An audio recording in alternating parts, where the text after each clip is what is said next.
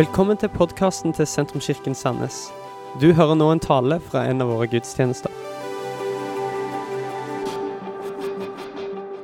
Jeg syns òg at det er et utrolig fint eh, fokus dere har denne høsten. Eh, fornyelse.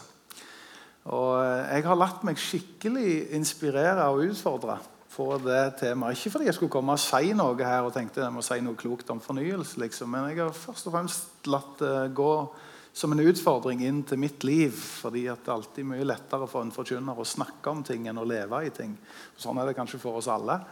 Eh, så jeg har hatt en, eh, en fornyelsesreise sjøl denne høsten fordi jeg har fulgt dere både gjennom stabssamlinger og styremøter og podkast og i det hele tatt. Og Det er min bønn inn for, for denne søndagen og denne forkynnelsen òg, det at eh, det ikke skal oppleves som bare hakk i plata. fordi at du kan høre ordet fornyelse, og så kan det bare bli noe som du hører igjen og igjen. Men at det skal gripe hjertet vårt og ditt. Så jeg har tro til at Gud skal tale til oss denne formiddagen og, og virke inn i livet vårt. Jeg tror jo Når ting gjør inntrykk, så får det et uttrykk. Det er litt sånn som vi hørte Per herrene. Det var inntrykk, og så slår det ut i et uttrykk. Og eh, Det skal vi bare be Gud om at han skal få lov å virke inn. Er du åpen for det? Herre, jeg ber for eh, de minuttene vi har i sammen, og ber om at eh, du skal tale gjennom ditt ord, og at det skal bli til en fornyelse for oss, Herre, når vi hører ditt ord forkynt. Vi ber om det i Jesu navn. Takk for at du virker med din ånd, og du taler til oss alle sammen. Amen. Kolosserne 3,12 så står det Ikke på noe skjerm, men jeg siterer det. Det står Kle dere i det nye mennesket, som stadig fornyes. Som stadig fornyes etter vår skapers bilde i det vi lærer Han å kjenne. Det å være en kristen det er å være på en fornyelsesreise. Det er en stadig fornyelse. Og jeg tror nest, Du kan nesten sammenligne det litt som med å eie et bygg og en eiendom og et hjem. Det som ikke fornyes, det forfaller. Så det er et eller annet som må holdes ved like. Sånn er det jo i kjærlighetsrelasjoner mellom mann og kvinne i et ekteskap. Sånn er det den naturligste ting i verden. At uh, der du bor, så vedlikeholder du, og så fornyer du, og så holder du deg oppdatert. Og så vil du ikke at det skal forfalle. Og Sånn tror jeg på mange måter det er litt sånn i gudsrelasjonen vår òg. Jeg kan ikke bare leve på det møtet jeg hadde med Gud for min del den gangen jeg møtte han i 1994. Det er vel og bra. Det var nydelig at jeg fikk møte Jesus da, men, men Jesus-relasjonen er jo noe som skal leve. Eh, sånn er det med fornyelsen til oppdraget. Det å være en som bidrar til at vi gjør verden til et bedre sted, at vi gjør disipler. det kan òg forvitre og forsvinne litt hvis vi ikke er obs. Derfor trenger vi stadig å fornye det. Og Sånn er det med relasjonen vi har til den lokale kirka. Det er det de har utfordra meg til å si noe om, å ha et fornya overgivelse til den lokale menigheten. Eh, for det tror jeg også er litt av det samme. Vi kan ta det for en selvfølge, og vi kan bli litt sånn ubevisst og litt sånn sløvna, og vi kan bli litt småkritiske, men vi kan bli litt tilfeldige i forhold til menighet. Og Da trenger vi å stadig være på denne fornyelsesreisen. At vi fornyer vår overgivelse til den lokale menighet. Så I dag så har jeg litt lyst å fortelle dere om min kjærlighetshistorie. Og Da tenker vi en gang at det er sikkert en kjærlighetshistorie som handler om deg og kona di, og det kunne det vært. Eh, jeg kan, jeg ikke love deg at jeg ikke kom innom det heller. Men jeg tenkte jeg skulle ta deg med i din, min kjærlighetshistorie til den lokale menighet. Til kirka. Fordi at jeg eh, vet jo som forkynner hvor lett det er å havne i sporet og appellere til den dårlige samvittigheten til folk. Og Jeg skal ikke love at jeg ikke kommer til å touche det i dag heller, men det er litt sånn at eh, eh, Jeg vet at når jeg skal prøve å liksom dra forsamlingen inn til et engasjement og et hjerte for kirka, så ender jeg stort sett opp med at liksom, ja, dere må komme, og dere må delta, og dere må tjene, og dere må gi. Og det er liksom den dårlige samvittigheten som en fort appellerer til. Og det trengs nok av og til. sånn at eh, Senest for et par dager siden hadde kona mi en sånn runde med meg og sier at du, nå har du vært veldig mye på farten her, og nå ser vi lite til hverandre. og Jeg aner ikke hvor du er i verden. Og for jeg har en, en jobb, altså jeg er pastor, men så har jeg òg et engasjement i pinsebevegelsen nasjonalt som dere også er en del av, eh, som gjør at jeg farter ganske mye eh, hver uke. Og, og, så, da hadde, da, så, da må vi av og til appellere til samvittigheten og si at ok, nå må vi, nå må vi tenke oss om her. Nå må vi kanskje justere våre prioriteringer osv. Så, videre. så det er en del av bildet. Jeg, jeg lover deg ikke at jeg ikke kommer til å appellere til din samvittighet. Men jeg har spurt meg sjøl Hva er det som gjorde at jeg fikk en kjærlighet til Guds menighet? Hva er min kjærlighetshistorie til den lokale kirka? For min del så starta ikke det med opplevelsen av kirka, men det starta mer med oppdagelsen av kirka. Og Da kommer det opp en overskrift her. fordi at nå har jeg kasta opp en veldig lang overskrift, men det er nesten mer på gøy enn det at jeg Men eh, et forstørret, fornyet og foredlet forhold til forsamlingen. Det er veldig mye for der. Ser dere det? Det er forstørret, fornyet, foredlet. Forhold, forsamling, for, for, for, for. Jeg vil gjerne være veldig pro for menigheten. Og da er det som skaper et sant og ekte engasjement, det tror jeg er en kjærlighet til forsamlingen. Det er ikke at noen liksom krever eller tvinger deg eller pusher deg til noe som du helst ikke vil, men det er at du får et hjerte for denne forsamlingen.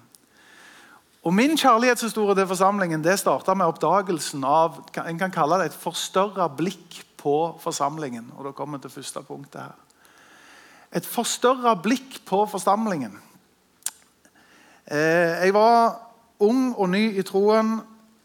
Rundt 20, 18 år da jeg ble en kristen. og Som 19-åring så begynte jeg på bibelskole. og En av de tingene de tok meg med inn i, det var eh, Efeserbrevet i Bibelen. Jeg var så ivrig en stund på Efeserbrevet. Jeg syntes det var så gull at jeg eh, i min storhetstid av memorering og greier, så lærte jeg de tre første kapitlene utenat og kunne de på rams. Ja, nesten litt sånn Svein Tindberg-opplegg. Eh, og eh, En ting er å lære det og lese det og høre det, men en annen ting var når det ble en oppdagelse. Wow! Oi, hva er det som står her? Aha! Her var det noe fancy og stort og noe greier som bare var litt mind-blowing. da. Og Det som var mind-blowing med Feserbrevet, var at eh, de starta med fra vers 4, og, der står det at eh, Gud legger, har en plan for hele verden. Det fins en plan for Han har en frelsesplan for hele verden. Og I Guds frelsesplan så er det noen veldig viktige komponenter. Og Dette står det om både i Efeserne 1,4 og, eh, og 1,10, og videre i Efeserne 3, 1-12. Der begynner Paulus å snakke om at det fins noen hemmeligheter. Og Ordet hemmelighet dukker opp mange ganger. Og Han begynner å snakke om Guds hemmelighet. Og Så tar han det enda et hakk videre i disse her, han er nesten sånne hemmelighetskremmerier. Så begynner han å snakke om Kristi hemmelighet. Og jeg tenker Det er jo litt gøy å finne ut av hemmeligheter. da. Nå er jo ikke vi noen sånn frimurerlosje som driver og tviholder på hemmelighetene. Vi vil jo gjerne formidle og fortelle disse hemmelighetene. og det er det Paulus er opptatt av. Han har sett noe, om Guds plan som var lagt ifra evighet, Guds frelsesplan. Og så sier han Guds hemmelighet er dette, folkens. Det er Kristus Jesus. Og så forklarer han at alt sammenfattes i denne ene Jesus Kristus. Der får alle mennesker et nytt liv, en ny framtid, en frelse, en evighet. Kristus er løsningen både for jøde og greker og hedning, og ung og gammel og mann og kvinne og alle generasjoner. Og Guds hemmelighet er Kristus. Men så begynner Kristus å si at han òg har en hemmelighet. Og Har dere lyst til å vite hva Jesus sin hemmelighet er? Det er litt gøy å vite hva Jesus sin hemmelighet er, når vi vet Guds hemmelighet. Jesus sin hemmelighet er kirka. Nydelig. Efeserne 3 fra vers 1 til 12. og Nå eh, har ikke jeg fått opp det på skjermen, men jeg siterer bare noe av det som står, for jeg har det på en lapp her. Anna. Der står det om denne innsikten som man har i Guds hemmelighet, og sier det at alle tilhører det samme legemet. Og så står det slik skulle nå hans mangfoldige visdom blir kunngjort gjennom kirka. Guds menighet. Efeserne 3 sier at denne Jesus sin hemmelighet er kirka. Og det er jo et eller annet med at når du får noen sånne Aha, wow, å ja, det er mer enn å komme og liksom et tidspunkt på søndag og være med og tjene og gi til et eller annet. Dette er jo Guds frelse. Det er Guds plan i tiden. Det er Guds redskap i tiden. Det er Guds menighet. Og Min kjærlighetshistorie til min kone den starta med at jeg selvfølgelig opplevde henne, men det var jo først at jeg oppdaget henne. Det var jo det at jeg så henne. Oi, Det var et blikk jeg la på noe som var fascinerende og interessant. Og Hvis du legger blikket ditt på dette fascinerende greiene som er Jesus sin hemmelighet, nemlig hans kirke, så går det an å få en skikkelig aha-opplevelse. Så begynner det å beskrives ulike steder også i Gammeltestamentet, i de profetiske ordene. Joel kapittel 2 f.eks. Så står det om at eh, eh, det går ut et kall til alle folkeslag om å kalles i sammen til den hellige forsamling. Og Så begynner Joel å beskrive at han ser folk i alle aldre. Barn og spedbarn, gamle som kommer i sammen. Og Så han forts fortsetter han med å beskrive dette som et kjærlighetsforhold, som et møtepunkt mellom brud og brudgom. Det er altså noe som er helt nydelig. Og Så kan vi lese, eh, når du kjenner begrepet menighet i gresken og i Bibelen, så er det ordet 'eklesia'. Og Det er disse som er kalt. Og det er, no, det er, jo oss som sitter i dette rommet her. Vi er de som er kalt av Gud. Og eklesia det er egentlig tre dimensjoner av kall som ligger på oss. Og for dere som strever med et kall Hva er jeg kalt av Gud til? Hva er mitt kall? Så tror jeg jo Gud har noe helt sånn spesifikt og unikt. og sånne ting, Men jeg tror kanskje først og fremst Gud har et allment kall som går til oss alle. Og Det er et aldri så lite kinderegg. Fordi at I ordet eklesia, det å være kalt av Gud, så ligger det et kall innover til fellesskap med Jesus Kristus. Og så ligger det et kall av å komme i sammen som Guds menighet og brødre og søstre. Og så ligger det et kall til å gå ut til verden. Det å være utkalt. Ekle sider. Men dette ordet 'sammenkalling' det var nytt for meg. For da tenkte jeg helt nytt om det. Da var det ikke staben i kirka som kalte inn til gudstjeneste, selv om det var det. Altså Rent fysisk så var det jo de som gjorde det. Det var ikke pastoren som forventa og krevde at jeg skulle være en del, jeg skulle komme, jeg skulle tjene, jeg skulle gi. Men det var dypest sett Gud som kalte. Og det er jo en litt annen greie enn at jeg kommer fordi noen forventer det. Eller fordi jeg skal bare legge meg i bånd og i sele av å ha noen faste rutiner. Det er det å komme sammen. Det er en sammenkalling fra himmelen.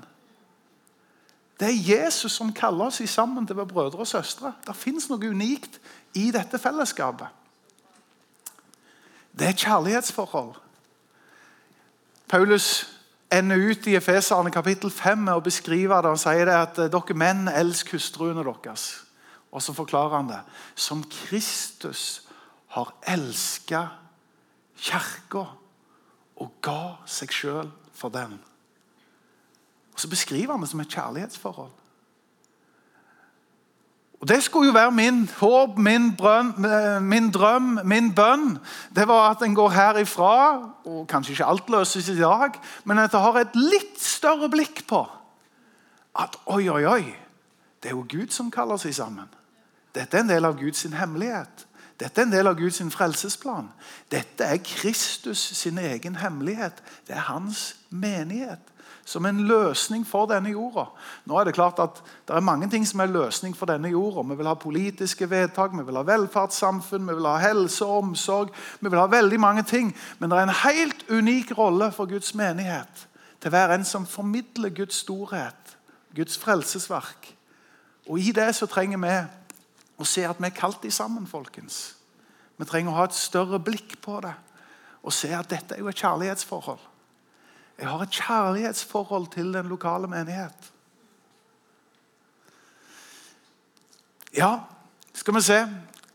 Jeg tror vi går til neste punkt og sier et fornya hjerte for forsamlingen. Det å fornyes Når jeg leser i disse ordforklaringene, når du googler, så ser jeg at fornyelse har både dimensjonen av å gå tilbake til noe originalt og opprinnelig, men det kan òg ha dimensjonen av å gå framover til noe som du ønsker i framtida. Det høres jo nesten ut som en motsetning å kombinere noe som er urgammelt og opprinnelig, og bevege seg framover mot noe som du ønsker skal være nytt. Men eh, grunnleggeren i pinsebevegelsen i Norge, som eh, heter Thomas Baal Barrat, han hadde et sånn genialt uttrykk som var et livsmotto som han levde på, og som er noe av det han er kjent for det var at han kalte det 'fram til urkristendommen'. Altså ikke bak til, men fram til urkristendommen. Vi ser for oss en fornyelse i forhold til menighetsbevegelse, menighetsengasjement og menighetsovergivelse. Vi skal framover mot noe som står på grunnen av noe som er opprinnelig og originalt. Og Da må vi spørre oss sjøl hva er det som er opprinnelig og originalt. Jo, på samme måte som det fins dette ordet eklesia, så fins det et annet genialt gresk ord som heter koinonia.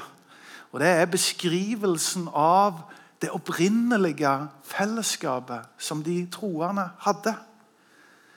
Så når vi begynner å line opp en slags drømmescenario om hva betyr det å ha en fornya hjerte for den lokale kirka, så har vi et sånn ord koinonia som vi kan strekke oss mot. Og jeg leste en gang en bibelkommentar på dette ordet, og da så jeg at de beskrev det som å være like hengitt til hverandre som til Kristus.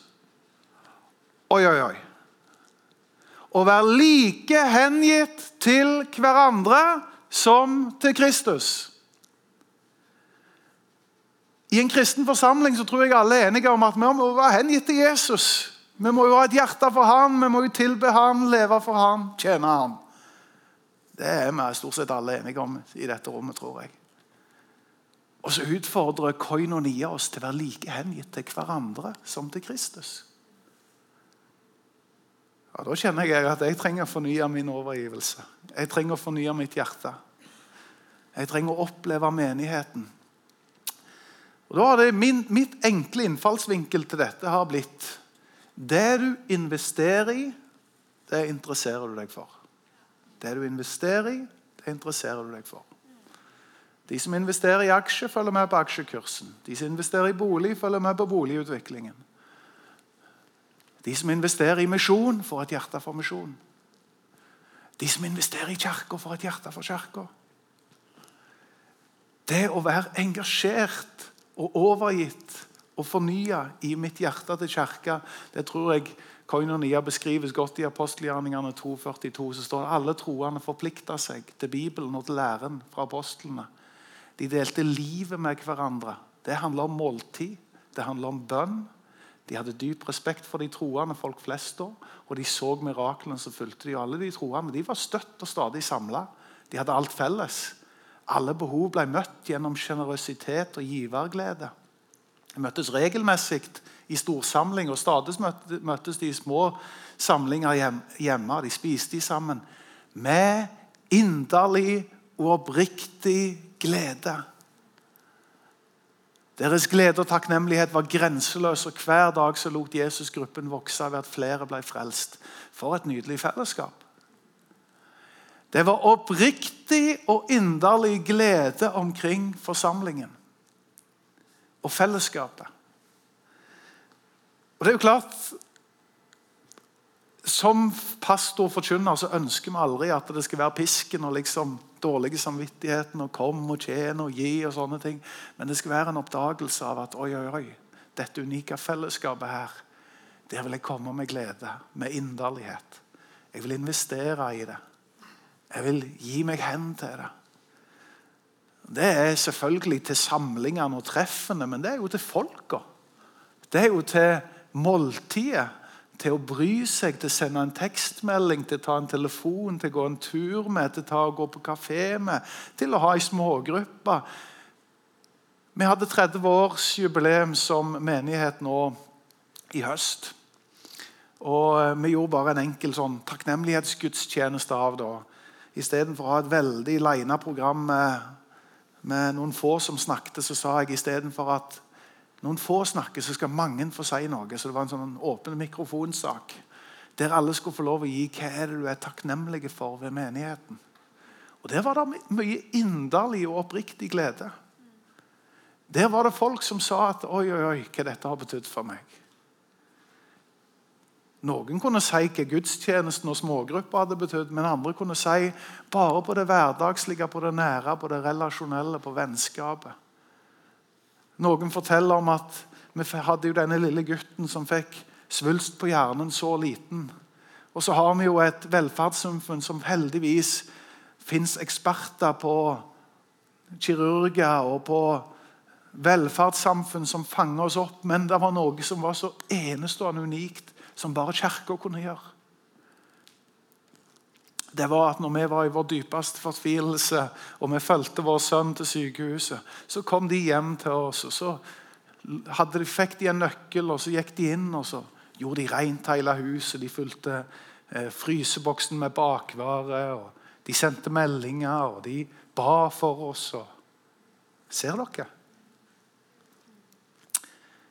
Midt i velferdssamfunnet, som vi kan være så takknemlige for. Midt i det rikdommen kan gi oss, så er det noe helt enestående unikt som bare fellesskapet kan gi oss. En annen fortalte om det at eh, jeg var gjennom et stygg skilsmisse for x antall år siden. Og ble alenepappa til fire gutter. Og Det er mange omstendigheter omkring sånne ting som er krevende. Men jeg sier, hadde det ikke vært for menigheten, så hadde jeg aldri vært i hus og hjem. Mine barn hadde ikke hatt et hus å bo i. Vi måtte bodd i en liten leilighet. Hva var greiene? Jo, Gjennom oppgjør og alt så endte det opp med at uh, han hadde ikke penger til å sitte med det. Da måtte vi gjøre om deler av huset sånn at han kunne få en leilighet i kjelleren. Så han kunne leie ut. Det gjorde at banken ble med på at han kunne beholde huset sitt. Og Det er mye Nav kan hjelpe med. Men når husgruppa går inn og sier vi tar det Vi fikser opp denne leiligheten for deg. Der fins det tømmermann og elektrikere, og der fins det frivillige. Der det, og nå forteller jeg noen glanshistorier. Men vet dere hva, folkens? Menigheten det kan være redningen for folk. Menigheten kan bety alt. Og vi må ha et mykt hjerte for denne fantastiske organismen som Gud har gitt oss. Et fornya hjerte for menigheten. Når menigheten oppdages, og når menigheten oppleves, så skjønner vi hvor unik menigheten er. Det tredje siste punktet som jeg eh, gir dere, det er en foredla fremtid for menigheten. Hva mener jeg med det? Vel, vi må sikre framtida for menigheten. Det å foredle noe det er når noe godt, gammeldags stoff blir til en unik framtid. Altså, i min relasjon til kona mi, der vi ja, For å si det riktig, det var jeg som oppdagte hun, og hun trengte lang tid på å oppdage meg. Eh, men etter hvert når vi begynte å oppleve hverandre og fant ut at uh, dette må jo sikres for framtida Her er det begeistring og Og her er det hengivenhet, og her er det overgivelse, og her er det kjærlighet. Men eh, la oss nå formalisere det. La oss gjøre dette ordentlig. La oss foredle det med ring på fingeren. La oss bli gift. La oss si at dette er for livet. Da foredler du og sikrer deg en framtid. Sånn i utgangspunktet iallfall. Sant? Og hvor er det framtida ligger? Framtida ligger i Guds menighet. Hvor er, det, hvor er det Jesus hva er det Jesus skal forholde seg til i de siste tider? Leser du Johannes' åpenbaring, ser du at det, det stedet han går på inspeksjon, det er i menigheten. Han begynner å nevne syv forskjellige menigheter. og Det er ikke bare godt å si om menigheter, så det er jo en del av bildet. Menighet er mennesker som kommer til å bli såra og skuffa, og det kommer til å være eh, nederlag. Men hvor er det Jesus forholder seg til? Jo, Johannes' åpenbaring. Han går inn og så sier han, oi, oi, oi, her i menigheten så fins det et godt fundament. Her er dere varme om hjertet. Her har dere et godt moralsk kompass.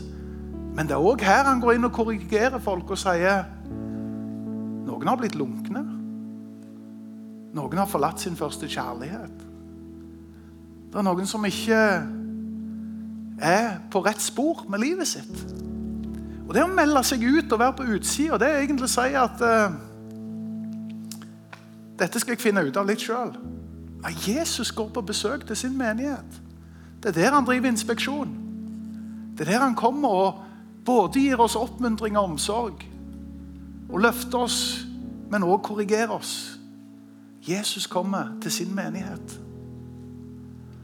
Og jeg tror at profetisk inn i vår tid Og nå er det jo sånn at jeg med fare for at jeg plutselig begynner å appellere til den dårlige samvittigheten, så tror jeg at det profetiske signalet i vår tid kan gå til Haggai og se i Haggais bok, et kort lite, kort, lite bok i Gammeltestamentet, så begynner Haggai å si det at folkens, nå skal vi bygge opp igjen tempelet etter den store Salomo, det som ble revet ned, og han bygde opp. og Nå må vi gi oss hen til bygging av tempelet. De hadde vært i eksil i Babylon, og de hadde kommet fri. og Nå skulle de motivere folket. Og så vil du lese i vers 2 at men folket er travelt opptatt med å bygge sitt eget hus, står det. Folket sier ennå er ikke tida for å gi seg hen til forsamlingen. Vi er travelt opptatt med alt mulig annet. Og Så kommer Haggai og korrigerer de sier folkens, la oss fornye vår hengivenhet til å være dedikert til forsamlingen. Det å være dedikert til Jesus og dedikert til forsamlingen mener jeg faktisk er to sider av samme sak. Du kan liksom ikke rive dem fra hverandre, for Jesus identifiserer seg med sin menighet. Det var den han ga sitt liv for. Det var den han ofra seg for. Det var den han elska. Så Jesus kaller det jo for sin kropp.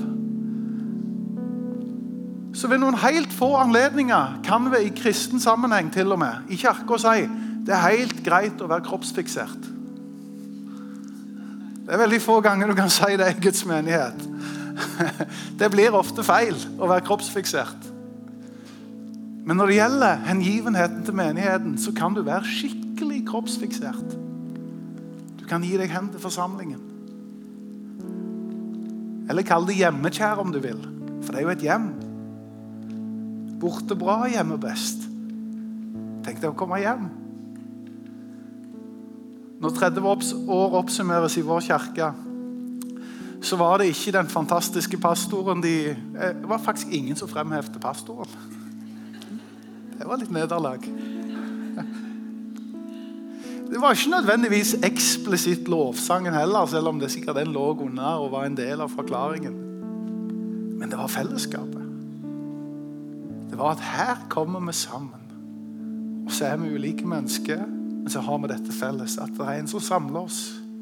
Han er kjernen, han er stjernen i denne gjengen. Og midt i vår ulikhet og forskjellighet så løfter vi opp Jesu navn i sammen. Dette var slutten på denne talen. Håper du har blitt inspirert. Om du har lyst til å vite mer om hvem vi er, eller hva vi gjør, eller har lyst til å høre flere podkaster, så kan du besøke vår nettside sentrums.no.